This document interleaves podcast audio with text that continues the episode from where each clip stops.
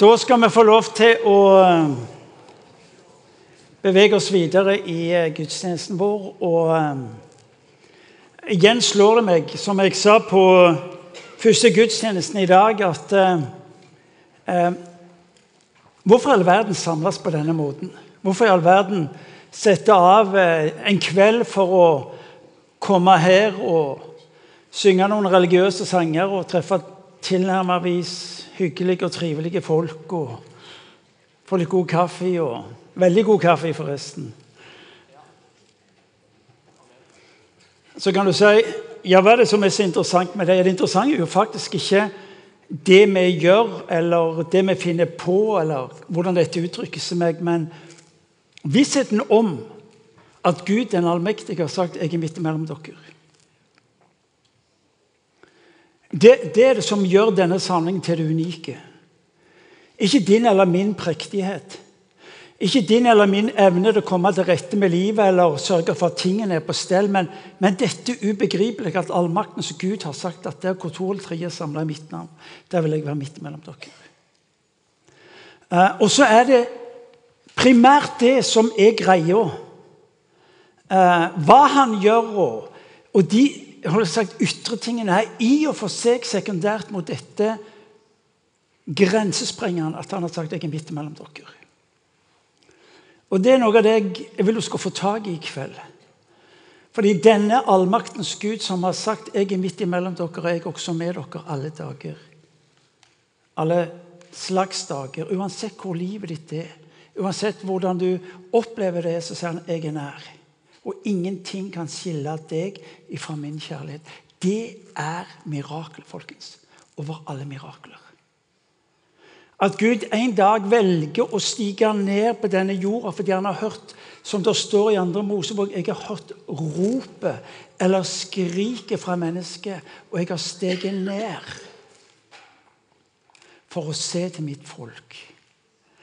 Og Det er det som gjør denne kvelden for meg som har vært i det kristelige i så mange år, gjør at disse kveldene blir om du vil, de blir nye hver eneste gang. Fordi det er ikke primært det vi gjør, men den vi er samla om, som gjør kvelden til noe spesielt. Så velkommen er du til gudstjeneste for å erfare at Gud er mellom oss for å være med oss, for å være sammen med oss uten å skulle levere en faktura til deg på hva du skal gjøre, eller hva han kan tenke seg å gjøre. Han har rett og slett bare lyst å være sammen med oss. Så eh, vi er, for deg som er på besøk eller ukjent med IMI, vi har denne vinteren og våren en gjennomgang av Johannes evangeliet. Johannes evangeliet er en del av Bibelen i Nytestamentet. Nytestamentet har fire sånne skildringer av Jesu liv. Det er Matteusevangeliet, det er Markus, Lukas og Johannes. Og De beskriver ulike sider ved Jesu liv. De tre første har mye til felles, kalles for de synoptiske evangeliene. Og så har du det siste, Johannes, som er, for det første er det skrevet senere enn de andre to. Det er en type utfyllende av de tre første evangeliene.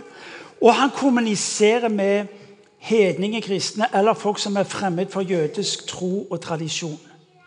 Og Dermed så beskriver han eh, flere steder eh, hvorfor tingene uttrykker seg som de gjør. Og så skal vi altså i dag eh, gå inn i kapittel 6 i Johannes evangeliet.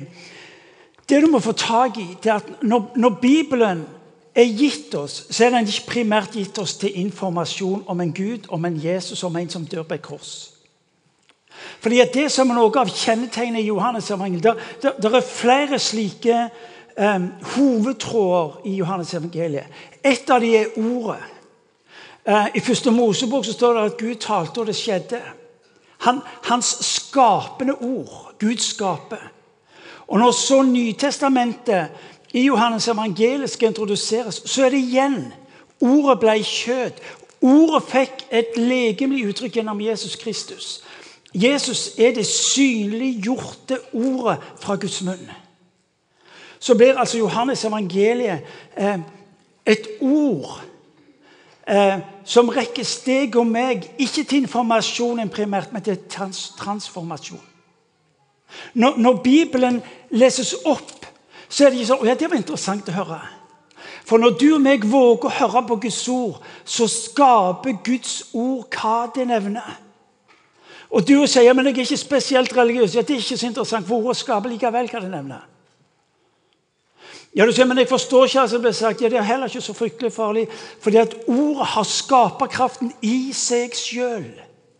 Men det du og vi kan gjøre, vi kan omfavne det, vi kan ta det til oss, og så kan vi få lov til å gjøre sin gjerning. Uh, utgangspunktet for Gud er ikke hvor mye du forstår eller begriper, men om man kan få lov til å få plass i livet ditt med sitt ord.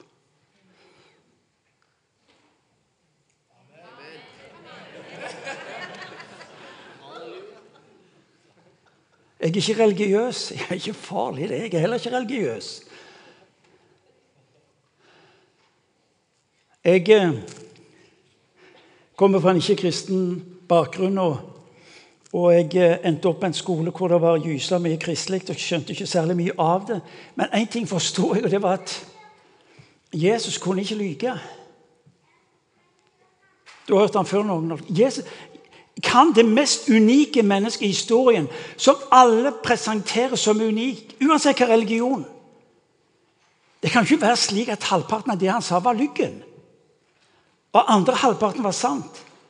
Så som 17-åring så tenkte jeg enten så var det han sa, sant, eller så var det ikke sant. Altså Halve sannheter er jo hele løgner, er det en som har sagt. Er dere med meg? Ja. Så jeg var Jeg tenkte ja vel. Jo, greit da. Jeg har ikke de store følelsene eller den store intellektuelle åpenbaringen. Jeg tenkte bare, Enten så snakker han sant, eller så lyver han. Og Hvis han er så unik som historien forteller at han er, så er han jo vel verdt å høre på. Så jeg tenkte ok, da, da tror jeg på det han sier, og så vil jeg forholde meg til det han sier. Så enkelt var det. Amen. Det var min omvendelse. Ja, det var ikke mye syndenød der. Ja, jeg skjønte ikke så mye av synder heller, for den saks skyld. Men jeg visste han var sannhet. Ja. Men vandringen tok meg inn i nye erkjennelser og nye erfaringer. Ja, Men det er noe helt annet. Men vi må ikke begynne å klysse. men det som er Guds oppgave i ditt liv La meg få lov til å slippe til. La mitt ord få lov til å skape. Ordet skaper tro. Ordet skaper erkjennelse. Ordet skaper etterfølgelse. Og så merker du at du forvandles ved ordet. Gjerne. Amen. Ja, så filler Sist søndag hørte dere Elling snakke om kapittel 5 Gå inn på nettet og se den prekenen. Kapittel 5 er en demonstrasjon. Interessant, for både kapittel 5 og kapittel 6 innledes noenlunde likt, fordi de innledes med underberetninger. Men underveis i presentasjonen av Jesu eh, unike kraft og nedslag av mirakler, under og, og, og eh, tegn, så begynner de å stille spørsmålet med Jesus. Ja, hvem er du egentlig da? Hvor har du autoriteten ifra? Og så og så, og så, har Jesus en bekjennelse til omgivelsene sine, nemlig at jeg er sønn. Og som sønn så gjør jeg ikke noe annet enn det jeg ser far gjør. Og det jeg ser far gjør, det gjør jeg òg. Jesus sier egentlig en ting. Han sier at jeg har ett fokus for livet, og det er far, hva er det du gjør? Og la meg bli en del av det du gjør, slik at andre mennesker kan velsignes. Han modellerer for deg og for meg. Han spør ikke til hva du kan. Han spør ikke til hva som skulle vært annerledes i ditt liv. Han spør deg om en ting. Vil du se på meg? For ved det du ser hos meg, skal du få lov til å gi videre til andre mennesker. Ja, men jeg er ikke så religiøs, og jeg kan ikke alt det der. Og så, det som han sier igjen, Det betyr, gysla lite for meg hva du kan. Men kan jeg, kan jeg få spørre deg om en ting? Vil du se på meg? Og så vil du av det å få se hvem jeg er, hvem jeg vil være i ditt liv, få lov til å være utgangspunktet for det liv du skal leve. Å være kristelig er ikke sånn litt ekstra innsats i en eller annen sånn religiøs retning. Å være kristen betyr å la Gud få lov til å være Gud i livet ditt. Det er gysla godt sagt.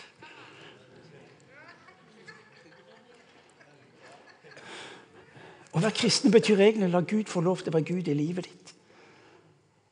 Så i kapittel 5 i Johannes evangeliet så, eh, så leser vi altså om Jesus som gjør undergjerninger. Du leser at han eh, reparerer Ja, det var jo det han gjorde. Han helbreder, står det vel egentlig. Den, den syke ved Betesta. Før det så var det embetsmannen i Kapernaum. Og så ble det stilt spørsmål med sønnens fullmakt. Og så hør hva han sier. La oss sitere. Sønnen kan ikke gjøre noe av seg selv, men bare det han ser som far gjør. Det far gjør, det gjør også sønnen. For far elsker sønnen og viser ham alt det han selv gjør. Jesus modellerer en posisjon, et fokus, nemlig Faderen. Nemlig Faderen. Og så går vi inn i kapittel 6, hvor egentlig det samme skjer. hvor... Eh, hvor kapittel 6 starter med underberetninger. Det er brødundere. Det er de 5000 og litt til. Nei, ikke litt, det var mange til. 15 000-20 000 sammen som, ble, som fikk virkelig erfare himmelsk catering.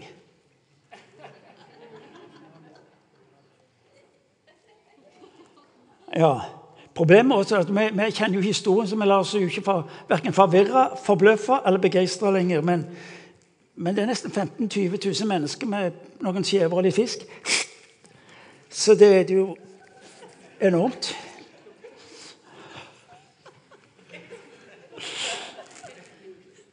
Og så skjer det noe i beretningen. Han tar altså folket, de som har kommet til ham, de gir han en innføring i det som ligger bak det ytre. Bak det synlige. Det de kan forholde seg til. Erfaringene, helbredelsene, miraklene.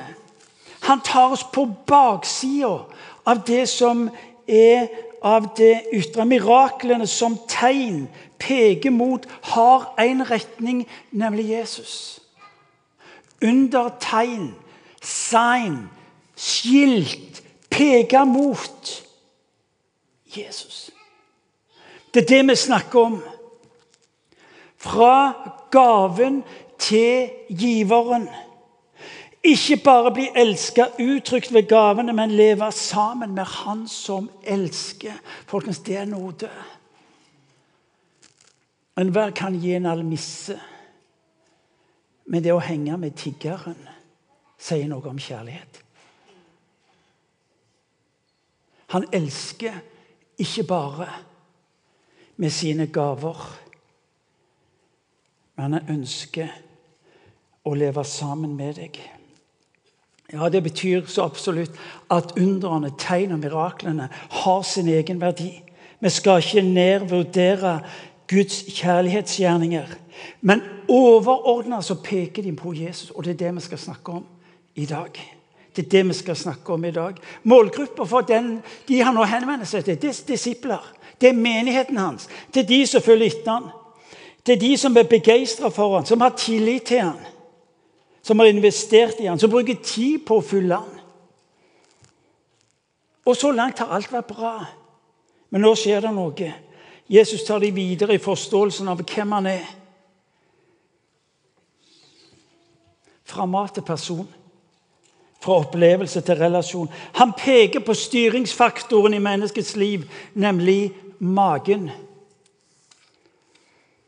Han sier i kapittel 6 er fra vers 26.: Sannelig, sannelig, jeg sier dere, dere leter, ikke, dere leter ikke etter meg fordi dere har sett tegn, men fordi dere spiste av brødene og ble mette.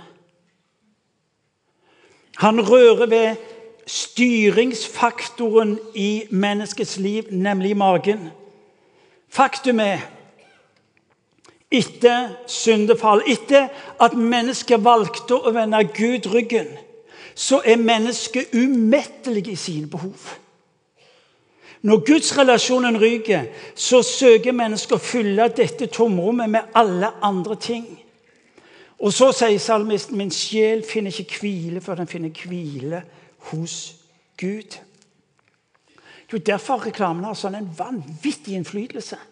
Fordi den hele veien pirker borti oss og forteller hva du trenger. Om hva du må se investere i. Og så er frykten vår frykten for å ikke bli mette. Frykten for å miste det vi har. Og Når det så skal deles, og det er spørsmål om å dele dette på andre, så blir det ikke nok på meg og mine, og så blir jeg redd. Jeg tror at flyktningproblematikken i sin dypeste mening er først og fremst frykten for å miste og ikke ha nok. At det jeg har, skal tas fra meg og deles på andre. Frykten for å miste det jeg har. Frykten for å ikke kunne fylle opp min egen mage. Og i en, i en kultur og et samfunn som er så rik på materialisme, som er så rik på tingene, så vil du oppdage at magen blir jo bare større og større. Med ønsker og behov og begjær etter det som skal fylle opp denne magen. Og så blir altså vår styringsfaktor egentlig magen og ikke det som Kirka og Jesus kaller oss inn til, nemlig relasjonen. Og Det alvorlige er jo at vi ser dette også i Kirka. For når vi snakker om Kirka, og dette er litt alvorlig For når vi snakker om Kirka, så blir det jo nettopp et spørsmål om hva Kirka gir.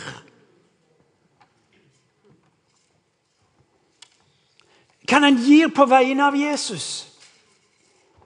Jo, kom til Jesus, og så får du håp. Kom til Jesus, så får du glede. Kom til Jesus, så får du frelse. Kom til Jesus, så får du sjelesorg. Kom til Jesus, så får du til liv. Og, og så er vi som kirke egentlig en kirke som er opptatt med å tilby varene våre inn i det offentlige rommet. Og så blir Jesus en automat. En som fikser tingene for oss. Og så blir vi egentlig lik forbrukersamfunnet konsumenter. Vi krever og vil ha, og helst vil vi ha mye. Og så blir eh, magen vår større og større på det Gud skal gi oss og gjøre for oss. Er det sånn at vi som kirke, og nå snakker jeg om kirke både i meg og generelt, at vi er så opptatt med å fortelle folk hva vi vil gi dem? Mens det denne verden egentlig er opptatt med, det er hvorfor kirke? Forskningen viser at hva det tiltaler magen. Men hvorfor tiltaler atferden? Hvorfor kirka? Hvorfor Jesus? For Der hvor Jesus flyttes ut til fordel for de mange gode og viktige tingene, der vil kirka dø. Kirka har egentlig bare ett budskap, og det er Jesus. Alt annet er bonus, folkens. Og inn i ei kirke, i min kirke, veldig konkret, så er dette en av våre store utfordringer og kan bli vår fare. Fordi vi er så opptatt med alt det som skal forløses, om alt det Gud skal gjøre, alt det han vil gi oss. Og så oppdager vi ikke at det, tegn er jo et tegn som peker mot Han. Arbeid ikke for den mat som forgår, men for den mat som består og gir evig liv, den som menneskesønnen vil gi dere. For på ham, for på ham har Far Gud selv satt sitt seil. Jesus bruker bildet av seg sjøl som mat, som blir gitt til deg og til meg. Og så prøver altså disiplene hans så prøver menigheten hans å forstå han i lys av tradisjonen, av hva de er vant med. Og så henviser de til mannen som Moses ga dem i ørkenen. Du leser om dette i kapittel 6, vers 32-35. Hør, og vi leser. Sannelig, sannelig, jeg sier dere, Moses ga dere ikke brød fra himmelen. Det er min far som gir dere det sanne brød fra himmelen. Guds brød er det brød som kommer ned fra himmelen og gir verden liv. Da sa de til ham, 'Herre, gi oss alltid dette brødet.' Jesus svarte, 'Jeg er livets brød. Den som kommer til meg, skal ikke hungre, og den som tror på meg, skal aldri tørste.' Du leser en parallellen til kapittel 4 i, eh, i Johannes evangeliet om, om denne kvinnen som, som hadde altfor mange menn, og som levde forholdsvis uryddig. Men da hun skjønte at Jesus kunne eh, gi henne en erfaring av et under, så sa hun la meg få underet, for da slipper jeg å komme her mer. Da har jeg på et vis løst noe av livet mitt. Og vi kan investere mye for å få tak i Guds mirakler og under. Vi kan strekke oss langt for å bli en del av det. Og så sier Jesus vet du hva, de gir dere ikke liv. De gir dere ikke liv. De gikk for maten, men de fikk ikke øye på Jesus. En gang til. Vi står i fare for å gi fokus til kirkas hva istedenfor kirkas hvorfor. Hvorfor Jesus? For dette er min fars vilje, at hver den som ser Sønnen og tror på ham, skal ha evig liv, og jeg skal reise ham opp på den siste dag. Det er nesten som om Jesus tar dem fra en, et fokus av denne sidige til et fokus av det som skal komme. Tro er relasjon. Tro er relasjon med Han som tar vår plass på korset og bærer bort vår syndedom. Men han er også den som har tatt bolig i den enkelte ved sin ånd, og som synliggjøres ved ordet og sakramentene her i nattværen. Johannes 6, 47-58. Vi må lese litt Guds ord. Det er litt sånn krevende, for den, den presentasjon av Jesu død og hva det representerer for deg og for meg, slik det presenteres her fra kapittel, 40, fra kapittel 6, 47. Prøv å høre etter hva han sier. Sannelig, sannelig Når han bruker formuleringen sannelig, sannelig, så er det sånn Hør nå etter, for dette er gyselig viktig. Det er egentlig det han sier på norsk. Det er den norske oversettelsen. Hør nå godt etter, for dette er gyselig viktig. Jeg er livets brød. Fedrene deres spiste manna i ørkenen, men de døde. Få tak i dette. Manna var et mirakel. Mannene i ørkenen var et under av dimensjoner gjennom 40 år. Halvannen million mennesker får maten servert hver morgen gjennom mannen. Det var et under. Det var mirakel. Men altså, miraklet og underet har sin tid, og så er det dødt. Og Hvis du blir værende i miraklet, sier han, så mister du det som er selve greia, nemlig at jeg er det brødet som kommer fra himmelen og som er slik at den som spiser av det, dør ikke. Det han egentlig sier, det Du kan ha så mange under, tegn og mirakler i ditt liv som du bare vil, og du kan allikevel dø av det. Men den som spiser det brødet jeg gir, meg sjøl, den skal leve. Jesus er opptatt med å flytte fokuset ifra de ytre tingene til det som har med han å gjøre, og bare han å gjøre. La oss lese videre. Jeg er det levende brød som har kommet ned fra himmelen. Den som spiser dette brød, skal leve til evig tid. Og det brød jeg vil gi, er min kropp, som jeg gir til liv for verden. Han snakker profetisk om sin egen soning og dø på korset, der han henges på et kors. Og hvor din synd og min synd nagles til han på en slik en måte at han og meg bytter plass. Han tar min plass uansett historie, fordi at jeg skal få hans plass. Folkens, det er nåde. Det er det ubegripelige faktum i alt som har med kristen tro å gjøre. Det at allmaktens Gud sier Martin, la meg få ta din plass. Og så kan jeg begynne med mitt regnestykke. Si Gud, du passer ikke inn her. Si, That's not the point. Jeg elsker deg for mye til at jeg vil at du skal bli værende der du er. Derfor flytt deg. Så jeg kan få din plass, og skal du få min. Det kalles for nåde. Han sier, og vi gjentar Og det brød jeg vil gi, er min kropp, som jeg gir til liv for verden. Nå ble det en strid mellom jødene, og de sa hvordan kan han gi oss sin kropp å spise? Jesus sa da til dem, sannelig, sannelig, jeg sier dere, hvis dere ikke spiser menneskesønnens kropp og drikker hans blod, har dere ikke liv i dere. Han gir dem bilder nå som de ikke skjønner mye av. Og det er godt mulig du sitter her inne og sier det er ikke bare de som ikke skjønner mye av dette. Jeg sliter litt, jeg òg. Og det er helt ok. Men sørg for å være nær han lenge nok til tid og hjelper deg til å forstå, kan forsøke å si til deg.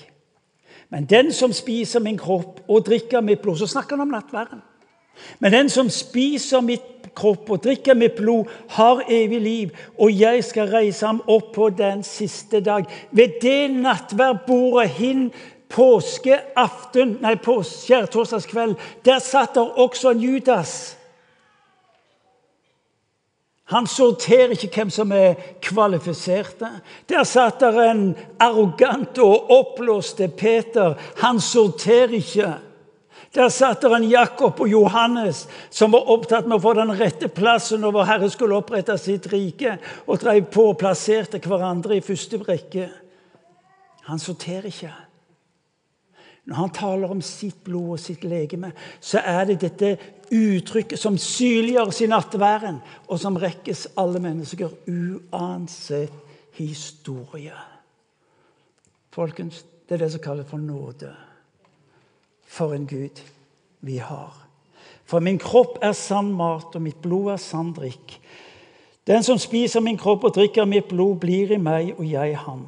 Slik den levende Far har sendt meg, og jeg lever ved ham, slik skal også den som spiser, leve ved meg. Dette er det brød som er kommet ned fra himmelen. Ikke det som fedrene spiste, de som døde. Den som spiser dette brød, skal leve i all evighet. Hva er det Jesus gjør for noe? Han sier ikke nei til mirakler, han sier ikke nei til underet, men han tar dem inn og gir dem et nytt fokus på hvem de er, og hva de har i Han, Jesus Kristus. Han gir oss sitt liv. Og så skjer det interessante. De avviser han. Denne Bibelen er viktig for oss også til å forstå hva som skjer rundt Jesus når han taler som han gjør. De avviser han. De forstår hva han sier, men de nekter å gå inn i det. Og Dette er hans disipler, dette er menighetsfolket. Og så forlater de ham. De ble rett og slett fornærma. Menigheten ble fornærma på Jesus. Alt var på plass, trodde de. Og så kom han her, og så forvirrer han hele greia. Har du blitt fornærma på Herre noen ganger? Når han sier nye ting i ditt liv som du ikke forstår. Når han tar deg inn i nye erfaringer som du ikke er vant med. Det faktum er at når Gud handler inn i kirkens historie, så på nye måter så ser vi ofte at kristne og menigheter avviser, sier nei takk, vi vil ikke ha det. Fordi at vi var vant med å få maten som den ble servert for israelsfolket, som manna i ørkenen. Og så kommer du her og surrer det til og snakker om, om blod og om, om, om legeme og, og spise og jeg skjønner ikke hva du snakker om. Og så avviser de det.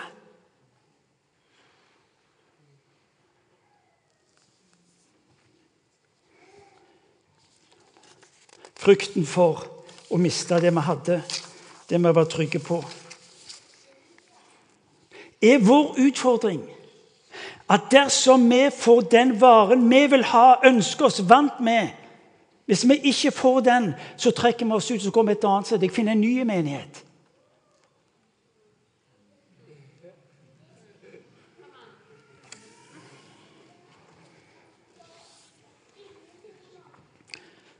Nei, jeg likte det ikke lenger. Jeg, eh, og, så, og, så, finner jeg en ny plass. Nei, de begynte med nye ting. Nei, det var ikke så Og så er du inne i Jesus kobler troen og livet til seg, ikke til de ytre tingene. Det er det denne teksten nå forteller oss. Betyr det, og jeg gjentar, betyr det at de ytre tingene ikke er viktige? Tvert imot, fordi de er tegn som nettopp peker mot Jesus. For tro og relasjon i vekst på et nytt nivå. Fordi gjerningene vil vitne om at det er Far som har sendt meg, sier Jesus i kapittel 5, vers 36. Veksten i det overnaturlige er en konsekvens av Kristus-relasjonen. Jo bedre du lærer han å kjenne, jo større kjennskap, større varhet og frimodighet vil du få. Tro ikke en statisk størrelse. Det var En som en gang skrev en bok om alltid voksne og tro. Den, ble en del, den var litt omdiskutert. I og for seg så mener ikke jeg så fryktelig mye om boka, men, men, det er et faktum. At ved å få lov til å være nær Han, som er utgangspunktet for undertegn og mirakler, gjør jo at det automatisk løftes på et nytt nivå. Med ny innsikt, med ny forståelse. Jesus er da ingen statue. Guds rike er ikke en sånn et fast tømra program. Jesus er den som sier, Bibelen er det som sier at hvis vi tror tro i smått, så setter han oss over større ting. Han snakker om liten tro og stor tro. Han snakker om å flytte oss videre, føre oss videre. Han snakker om det som lever. Og alt som lever, folkens, det forandrer seg. Skal du høre en ting til? Og alt som forandrer seg, det utfordrer oss. For det gjør noe med tryggheten. Enig? Ja. Og I vår kontekst så sier vi at det som forandrer seg, det vokser. Hør nå. Hvorfor er dette så viktig å få tak i? Sannelig, sannelig. Fordi vår tillit må gå til Han og ikke de ytre tingene. Vår trygghet og hvile er i Han og ikke den maten som forgår, uansett hvor stort det mirakelet måtte være. Uansett hvor stort det underet måtte være. For når troen knyttes til ytre ting, er faktisk det frafallets mulighet. Jeg husker jeg reiste i Øst-Europa og møtte Den forfulgte kirke mange år siden. og jeg husker jeg møtte en av lederne som sa du vet det, Martin, sa dere i Vesten dere har jo alt og Jesus.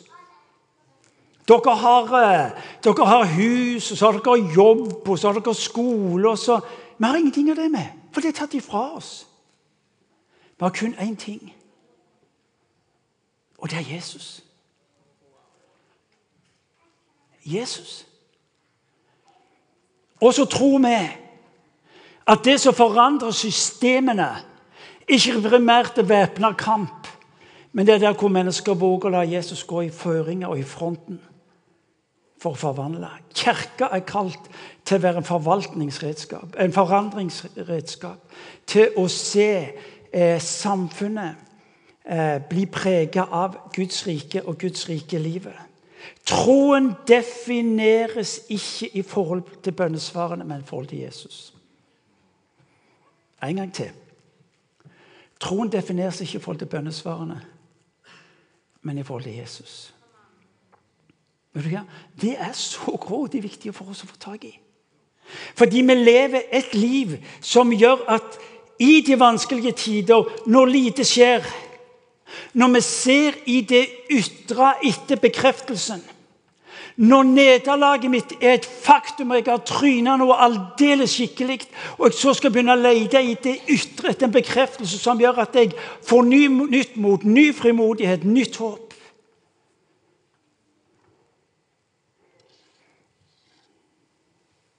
Da sier Guds ord til meg Se på meg, Martin.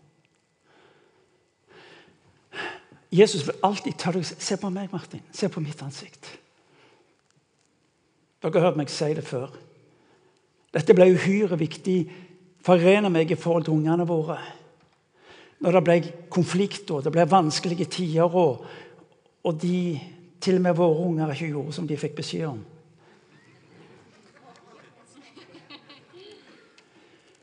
Så vi de alltid bort i trappa, og så sa jeg til dem Se på meg. De skjønte at pappa var hissig på dem. Men de så aldri bakhodet mitt. De så aldri bakhodet mitt. Se på pappa. Og så sa jeg det som de trengte å høre.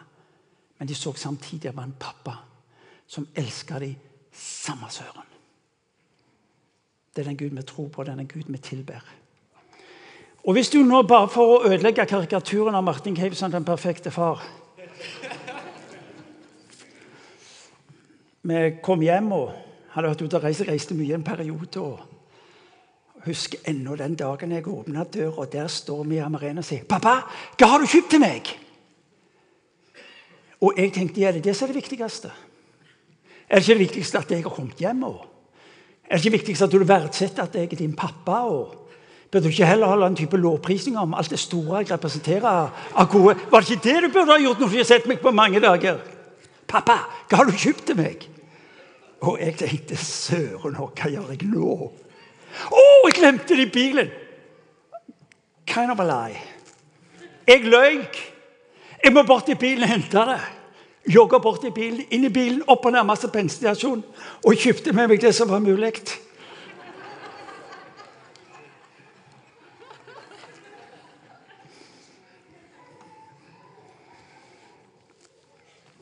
Se på meg.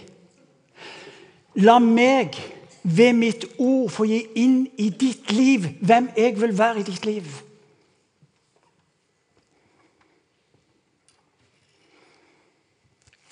Tryggheten, tryggheten, i det ytre, tryggheten i tradisjonen, tryggheten i det jeg er vant med. Og når så Gud tar menigheten inn i en vandring, så sliter vi. Med Toronto, vekkelsen i 94 Jo da, det var en god del støy. Men Toronto-bevegelsens dyp liggende fokus var Faderens kjærlighet. En ny forståelse om hvem far var, og hvem han ville være i ditt og mitt liv. Og så klarer vi å surre det til på en slik en måte at vi forkaster det. Samtidig som Jesus sier, 'Jeg er her for én ting.'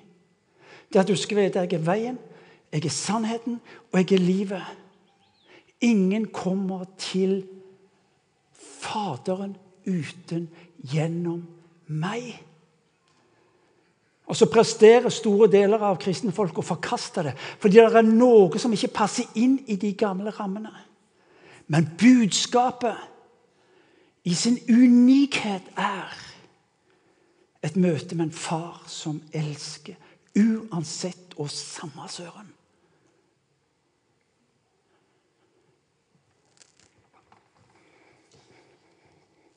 Jesus vil alltid gi seg sjøl til deg. Når du har dine bønner, så er hans respons alltid 'Jeg gir meg sjøl'. Jeg gir meg sjøl. Når du ser freden, så er det meg du må få øye på. Når du ser håpet som tenner, så er det meg du må få øye på. Fordi at det han gir, er aldri noe annet enn en refleksjon av hvem han er og vil være i ditt og mitt liv. Det er evangeliet, folkens. Han sender ikke en pakke med lykkeønskninger og sier 'bless you'. Han kommer sjøl.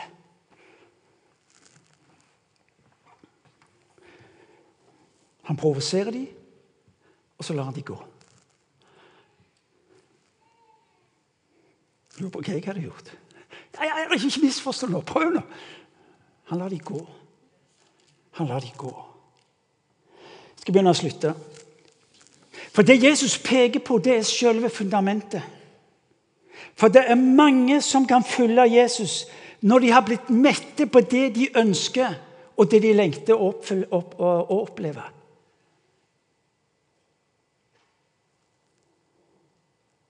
En gang til. Det er mange som kan følge med Jesus hvis de får innfridd sine forventninger. Men det virker nesten som Jesus gir blaffen i hva folk måtte ha forventninger. Han er ikke så fryktelig opptatt med hva du tenker at det ønsker jeg. Han er opptatt med det du trenger. Og det er ikke alltid det samme, det. Forstår du meg? Derfor lyder det en engelsk oversettelse på, i, i Lukas evangeliet kapittel 12. Ikke vær så opptatt med alt det som du trenger, som å motta det jeg vil gi deg. Evangeliet. Herlig fred. Mine bønner, kjære Gud, du ser. Og så er lista Og så sier Martin, vent nå litt. Kan du være litt stille og vite at jeg er Gud, jeg er far? Så skal jeg gi deg det du trenger, ikke det du ønsker. Takke meg til å være med på den dealen enn min kortsiktige og ofte klamme virkelighetsforståelse. Jesus, Jesu mål er alltid å føre oss videre inn i sin nærhet. For ved det at du og meg skal ha nok. Det står i Salme 27, som er en av de nydeligste salmene jeg leser, fordi den, den på et vis sånn gir meg hjelp til å, til å fokusere. Det er kong David som sier det én ting ber jeg Herren om, og dette er det jeg ønsker. Å få bo i Herrens hus alle mine dager, så jeg kan se Herrens skjønnhet og være i Hans tempel. ber om én ting. Han kunne bedt om mange ting. Men jeg ber om én ting. Jesus, la meg, la meg, få se deg. La meg, la meg få lov til å se deg, Jesus. Og ved det ha nok. Fordi at ut ifra det du ser, den relasjonen du er en del av, ut ifra det kommer alt det andre. Søk først Guds rike, står det i Matteus evangeliet. Det betyr søk først meg, Jesus. Så får du alt det andre i tillegg. På et helt annet nivå, et helt annet omfang du var i stand til å fatte. Jesus spør vel også dere gå.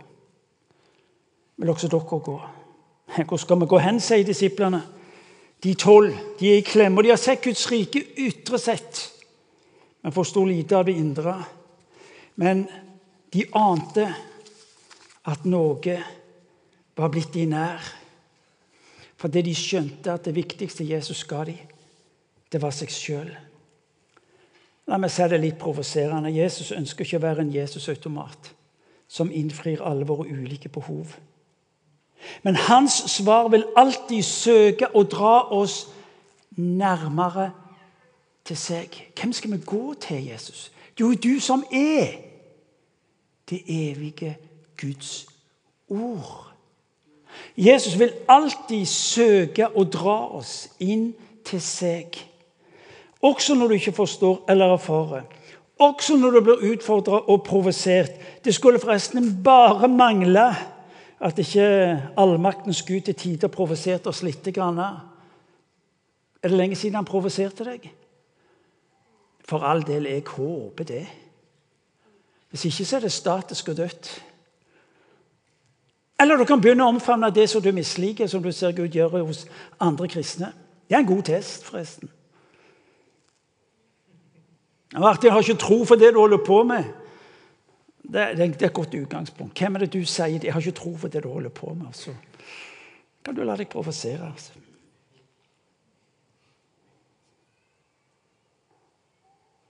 Det er tider, folkens, da vi opplever at ting blir tatt ifra oss. At vi ikke forstår eller holder kontroll på situasjonen. Hvor de ytre og indre forhold ikke er på plass. Disiplene ble værende selv om de ikke forsto det han sa. Fordi relasjonene med Jesus var sterkere enn det de ikke skjønte og begrep. Da får du også leve ut det Guds rike liv han vant deg på korset, og stå opp for deg og meg påskemorgen. La oss avslutte med beretningen fra Markus evangeliet, kapittel 9, vers 2, hvor eh, Jesus tar med seg sine tre, av disiplene, Peter, Jakob og Johannes, og tar dem opp et høyt fjell hvor de var alene. Der ble han forvandla for øynene på dem, og klærne hans ble så skinnende hvite at ingen som, ingen som bleker klær her på jorden, kan få dem så hvite. Elia viste seg for dem sammen med Moses, og de snakket med Jesus. Da tok Peter til orde og sa til Jesus.: Rabbi, det er godt at vi også er her. La oss bygge tre hytter, en til deg, en til Moses og en til Elia. Han visste ikke hva han skulle si, for de ble grepet av stor frykt. Der kom det en sky og skygget over dem, og det lød en røst fra skyen. 'Dette er min sønn, den elskede. Hør ham.' Og med ett, da de så seg omkring, så de ingen annen enn Jesus. Bare han var hos dem. Peter var opptatt med å konservere miraklet, underet, happeningen. Dette må vi ikke forandre på. Nå har vi det bra. Og så tar Jesus de inn i dette unike at Gud vil være Gud. Uavhengig av de ytre tingene. Uavhengig av de som måtte være din og min livssituasjon. For å vise og demonstrere at jeg, jeg alene, representerer det du trenger i ditt liv. Du skal slippe å ha den tillit til det ytre, for jeg har kommet deg nær. Det er evangeliet, en Gud som har kommet nær. Amen. Så vi reiser oss, og så skal vi be sammen litt.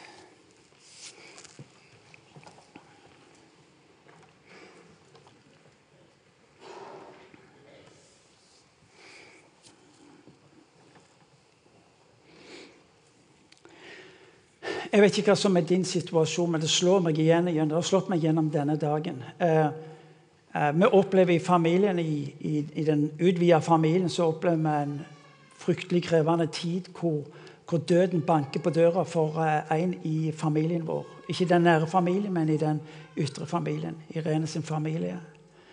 Og, og, og vi opplever en sånn situasjon klemme hvor vi på den ene sida ber om under, og på den andre sida sier vi Gud, du, du må være i dette. Du må være i dette. Og så er løftet til han at 'jeg er der'. Ha tro til meg, jeg er der. Og så blir troen vår knytta til han. Det er ingen lett situasjon. Det ble ei lang natt i samtalen for å prøve å få armene om det som, sånn, er vanskelig. Og Kanskje du òg i en lignende situasjon, ikke bare når det gjelder sykdom, men kanskje i en livssituasjon hvor du opplever at jeg vet, vet ikke hva du skal gjøre.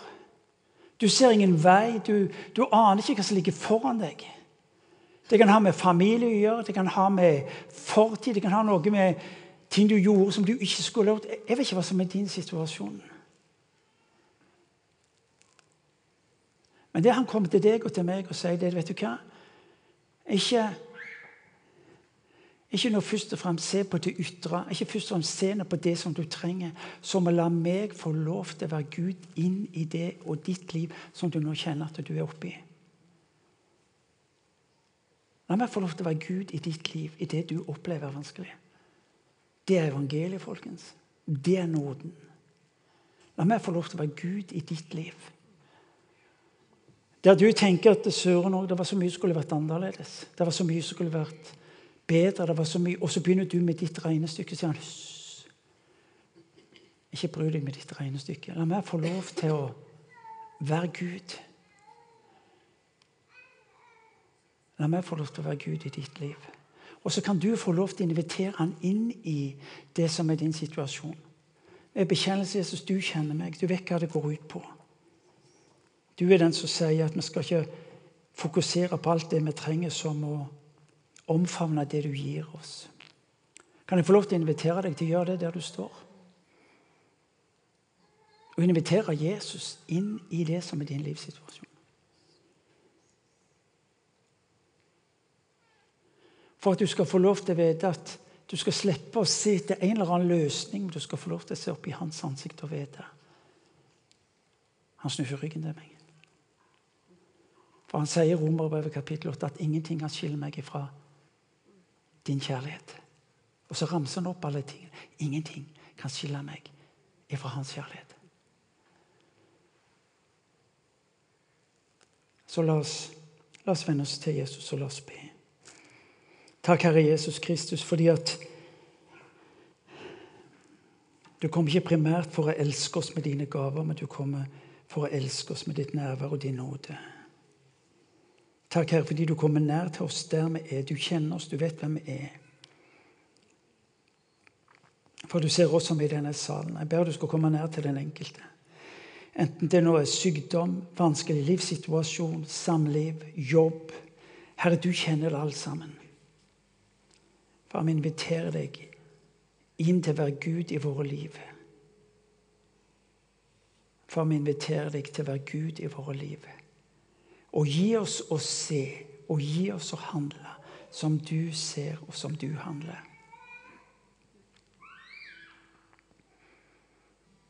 Kom, Hellige Ånd. Du som sier du, du tar ifra Jesus, sier du, og så gir du oss. Gir oss å se som Jesus ser, og handle som Jesus handler. Og du som står her i salen, du skal bare få lov til å si 'Jesus, du kjenner meg'. Jeg tar imot, Herre bokstavelig talt ditt legeme og blod. Ta bokstavelig talt ved ordet den forvandling som du lover, og som du rekker oss. Kom, Hellige.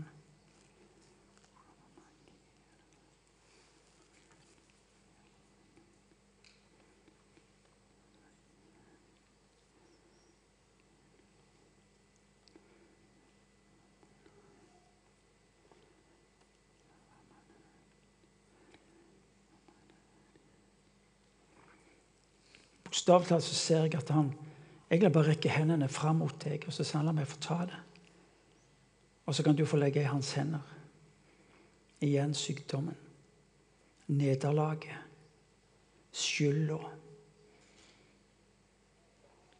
Alt det du kjenner på som skulle vært annerledes. Og så tar han det, sier han. Fordi han elsker. Kom, Hellige Ånd. Takk, Jesus, fordi du er den som gir oss å få starte på nytt. Du er den som gir oss å se annerledes fordi vi får se som du ser. Ta imot ditt liv, som er liv. Tilber og opphøy deg, Jesus. Forløse din kraft, Herre, nå i den enkeltes liv.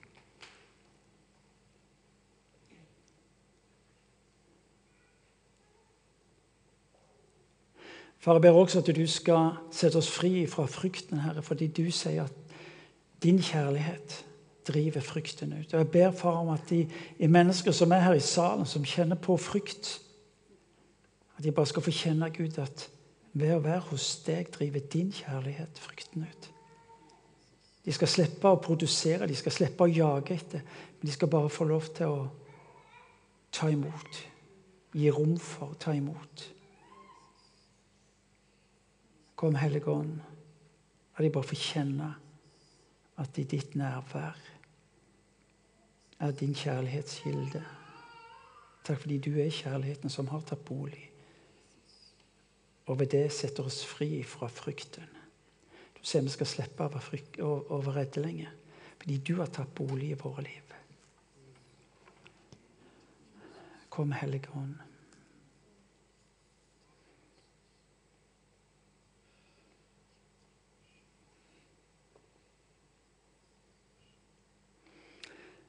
Far, vi leser i dagens tekst at disiplene skjønte ikke så mye av det. Og det er kanskje stykkevis og delt hva vi òg skjønner her, men én ting ber vi om. At du som rekker fram ditt legeme og blod, du som rekker fram ditt ord Vi ber om at det skal ta bolig i våre liv og skape tro ved hvilket vi omfavner ditt hjerte og din nåde. som vi ser Far, vi ber om det i ditt navn. Kom, Hellige.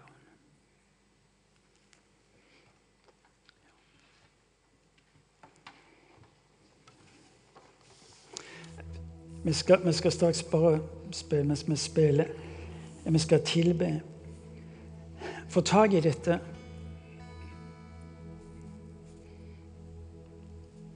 Tilbedelse kan veldig lett bli forstått som sang som ord.